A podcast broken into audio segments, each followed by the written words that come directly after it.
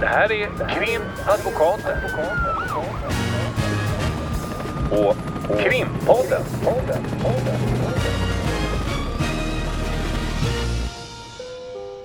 Parter och ombud kallas till sal 32. Du, vad brukar du göra Lotta när du sitter och pläderar i domstolen och du märker att kanske inte alla som bör lyssna på dig gör det? Till exempel någon av rättens ledamöter. Ja, de lyssnar alltid på mig såklart. Okej, då Jag tycker jag vi skojar. avslutar Nej, men- avsnittet. Det har jag För aldrig. det har jag alltid varit med om hela tiden, varenda gång. Vad gör Jag du om ska det lära händer? dig allt jag kan. ja, nej, jag vet. Det där eh, det händer ju faktiskt. Det måste vi ändå säga. Det händer inte jätteofta, men det händer. Det är lite kanske mera snack kring det här att det, det pratas oftast. Det är ju inte så sällan som debatten eh, kommer eh, om att man ska inte ha nämndemän i domstolarna. Och oftast i den debatten så kan man också höra att de sitter och sover och de har inte någon kontroll och de är så gamla och det ena och det andra. Mm. Jag upplever inte riktigt att det är så. Och det behöver ju inte vara eh, det behöver inte vara... Hörde du att jag blev lite så här, ah, Det händer ju. Det händer ibland. Inte under plädering kanske, utan snarare kanske mm, mitt under något vittnesförhör. De tycker kanske att de redan har hört lite och, och, och så ser man att det, framförallt efter lunch när matsmältningen sätter igång och så där, så kan man se lite tunga ögonlock. Då brukar jag faktiskt försöka signalera lite till ordföranden i, och titta lite sådär menande.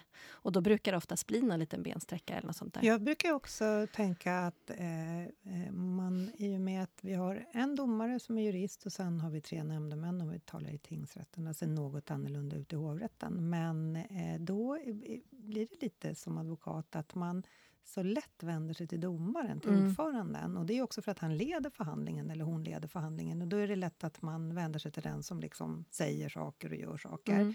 Men, eh, och ibland märker man inte. Då kan det vara så att klienten knackar på en mitt under ett förhör när man sitter och förhör någon mitt över rummet och säger att du, det är någon som faktiskt inte verkar vara riktigt vaken där borta. Det är inte Mm. alltid att man märker det. Nej, nej, det är sant. Och vi är ju så inne i, jag menar, det här är vårt jobb. Liksom. Man är så inne i att ta fram eh, olika typer av vaktbelagare, alltså papper och eh, lyssna på vad åklagaren säger, vad vittnet säger och så vidare. Och ibland är blicken kanske inte riktad mot domstolen från vår sida. Nej, och sitter man och förhör någon som sitter mitt emot den Mm. så sitter ju domstolen på vänster eller höger sida. Mm. Eh, jag vet för massa, massa år sedan när jag var på någon av de här första kurserna man går när man ska lära sig att bli försvarsadvokat.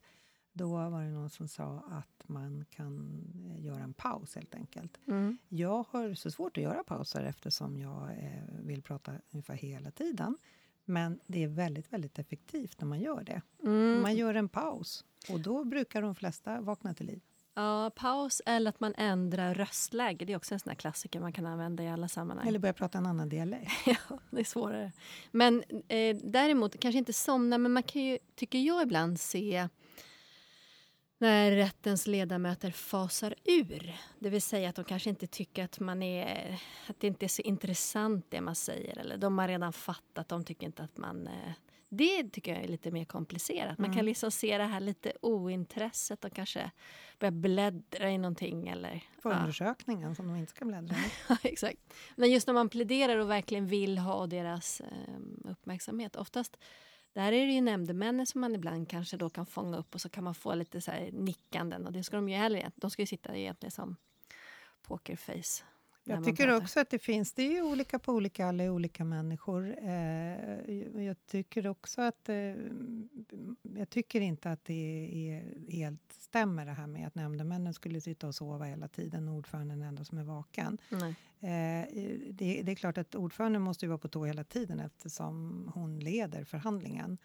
Men eh, om man tänker ibland när man är i en rättegång där man kanske avhandlar olika punkter som man har en klient som inte är delaktig i, men Mm. man ändå är där i, i målet därför att sen ska det kanske avhandlas punkter som gäller ens egen klient. Då har jag förståelse för hur det kan klia i huvudet över att det är ganska långa sessioner. Mm. Sällan det är pauser. Mm. Det kan man ju också göra som istället för att göra en paus för att de ska vakna till liv lite så kan man ju till exempel säga nej, nu tror jag att jag behöver gå på damrummet. Mm. Bryta av med någonting oväntat, ja. Så får Såklart. de eh, gå ut och ta en kopp kaffe och så. Ja, och det, och det får man ju heller... Alltså det är ju oftast det är ganska eh, tunga ämnen, mycket information. Det är ju kanske inte så konstigt, precis som du säger, att man eh, kan inte ha full uppmärksamhet hela tiden. Men en, en plädering, oftast så är det ju så, lite beroende på vad det är för typ av mål. Eh, Mm. när man sitter i ett mål där det är flera advokater och en åklagare, kanske ett målsägandebiträde, så är det ganska många som ska plädera. Kanske fem, sex personer Mm. som ska plädera. Och då brukar det ju vara lite så för hur, hur det här målet ska handläggas när det börjar närma sig pläderingsdags. Så hur lång tid tror advokaten att ni kommer att behöva? Mm. Brukar du kunna svara på det? Nej, jag tycker det är jättesvårt. Säger man ja, inte mer än en halvtimme, så tittar man på klockan om man håller pläderingen så eh, har det gått tre minuter så är man klar, eller också har det gått 45 minuter om Mm. man inte är klar. Mm. Men Nej, hur lägger du är- upp pläderingen? Är det... Eh, jag gör inte så. Jag vet att jag har kollegor som jag har pratat med som eh, skriver hela sin plädering innan. Alltså när man gör förberedelserna. Kanske dagen innan skriver man ner hela sin plädering och sen så klockar man sig själv. Och det, jag antar att det är den kategorin som skulle kunna svara på den frågan. Mm.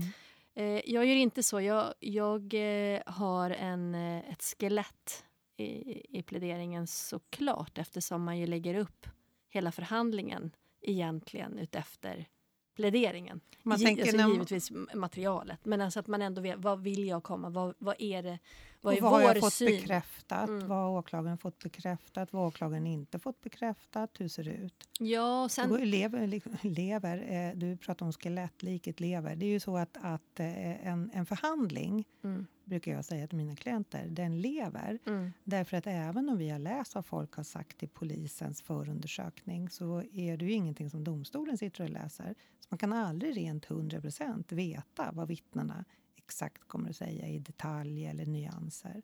nej. Då går det inte att ha det liksom färdigt och klart. Men det kan jag förstå om, om man är lite ny i branschen, att det kan kännas ganska osäkert om man liksom inte har någonting att hänga upp sig på. Mm, Men, men man får inte låsa sig fast i det, därför att då har ju inte förhandlingen någon liksom, funktion. nej, så, så är det ju. Och, och det där är säkert någonting, jag menar, nu har ju vi ändå jobbat ett tag, jag vet inte hur många pläderingar man faktiskt har hållit. Det skulle varit roligt, ibland tänker jag även nu, att man skulle spela in sig själv för att säkert lära sig så här, ja, det där ska jag inte säga, eller man har säkert massa tics. Ja, sig. gud, allt som man säger, så att säga, kanske man säger. 40 Ja, eller gånger harklarna, eller eller, ja, vad eller, det än är. Alltså. eller att man säger som vi säger hela tiden, som vi eh, jobbar med att inte säga. Vi säger exakt Mm. hela tiden. Så fort vi håller med någon så säger vi exakt. Mm. Det där hör jag även bland andra kollegor, att det här med att säga exakt Mm, även hörs i radio och så. mm, Det har blivit ett, ett sånt här uttryck som var som alltså tidigare. mm, Nu är säger man exakt. Ett och- utfyllnadsord som Ja. blir ganska missvisande. Det är ju väldigt få Ja, saker det är som att som spika är in en exakta. spik varenda gång. Det är väldigt få saker som är exakta. Och där är, är det ju så att när man är i eh, hovrätten så allting, alla förhör och sånt spelas ju in med ljud och bildfil. Och då är det ju däremot inte så att pläderingarna spelas in. Men då kan man också höra sig själv när man är i hovrätten och har hållit eller håller ett förhör. Mm, När, då kommer ju de här grejerna. mm, När vittnet säger någonting och man säger exakt. Mm. Och sen när man har sagt det kanske åtta gånger, nu överdriver jag, men då förstår man just att det inte är ett sånt vidare exakt ord att använda i de här sammanhangen. Så det finns säkert jättemycket grejer man gör utan att tänka på det, som dimmar bilden av innehållet för lyssnaren. Mm, En klassisk sån, eh, jag vet när det började i hovrätten med att man fick se sig, eller höra sig själv är det ju på, på de här eh, filmerna. Så För att tänk- man inte syns. ja, det är ju klienterna eller vittnena, eller Ja. ja. det är de parterna och de som hörs som... Vi jurister är ju sällan där, kanske lite i periferin. Liksom.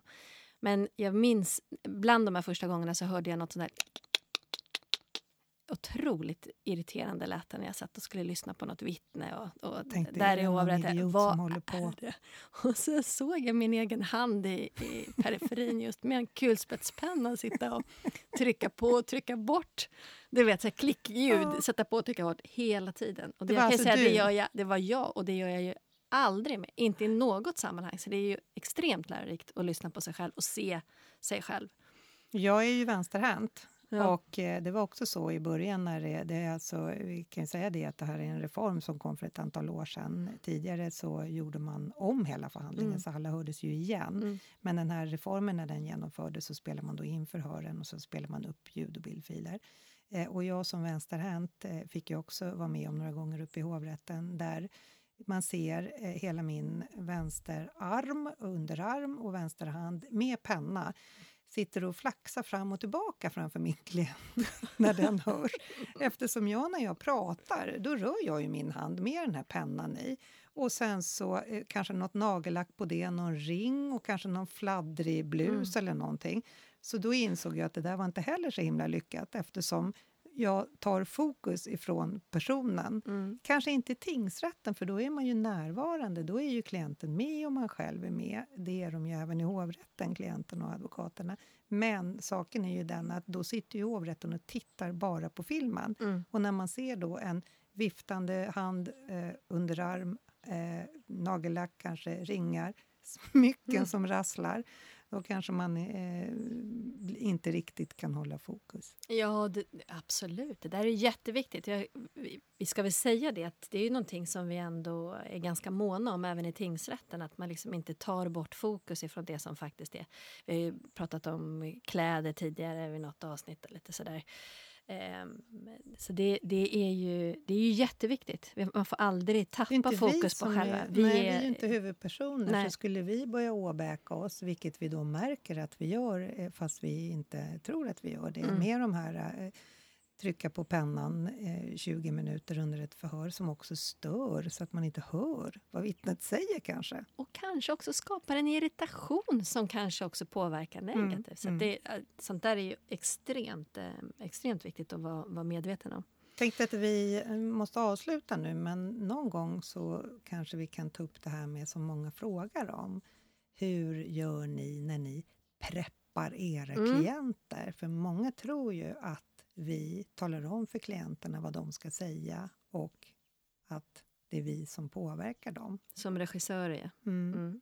Det kan vi ta upp nu när vi eh, har fått det här ljud och bildmediet som regisserar oss. Mm. För att vi inser att vi kan inte sitta och åbäka oss med pennklick eller viftanden Mm. framför klienterna. Och kanske märker också de tics vi har. Mm. Men då kan vi ta upp den frågan. Hur gör du när du regisserar din klient? Mm. Men eh, Det blir en annan gång. säger vi Tack för idag. hej då. Hej, hej. Krimpodden.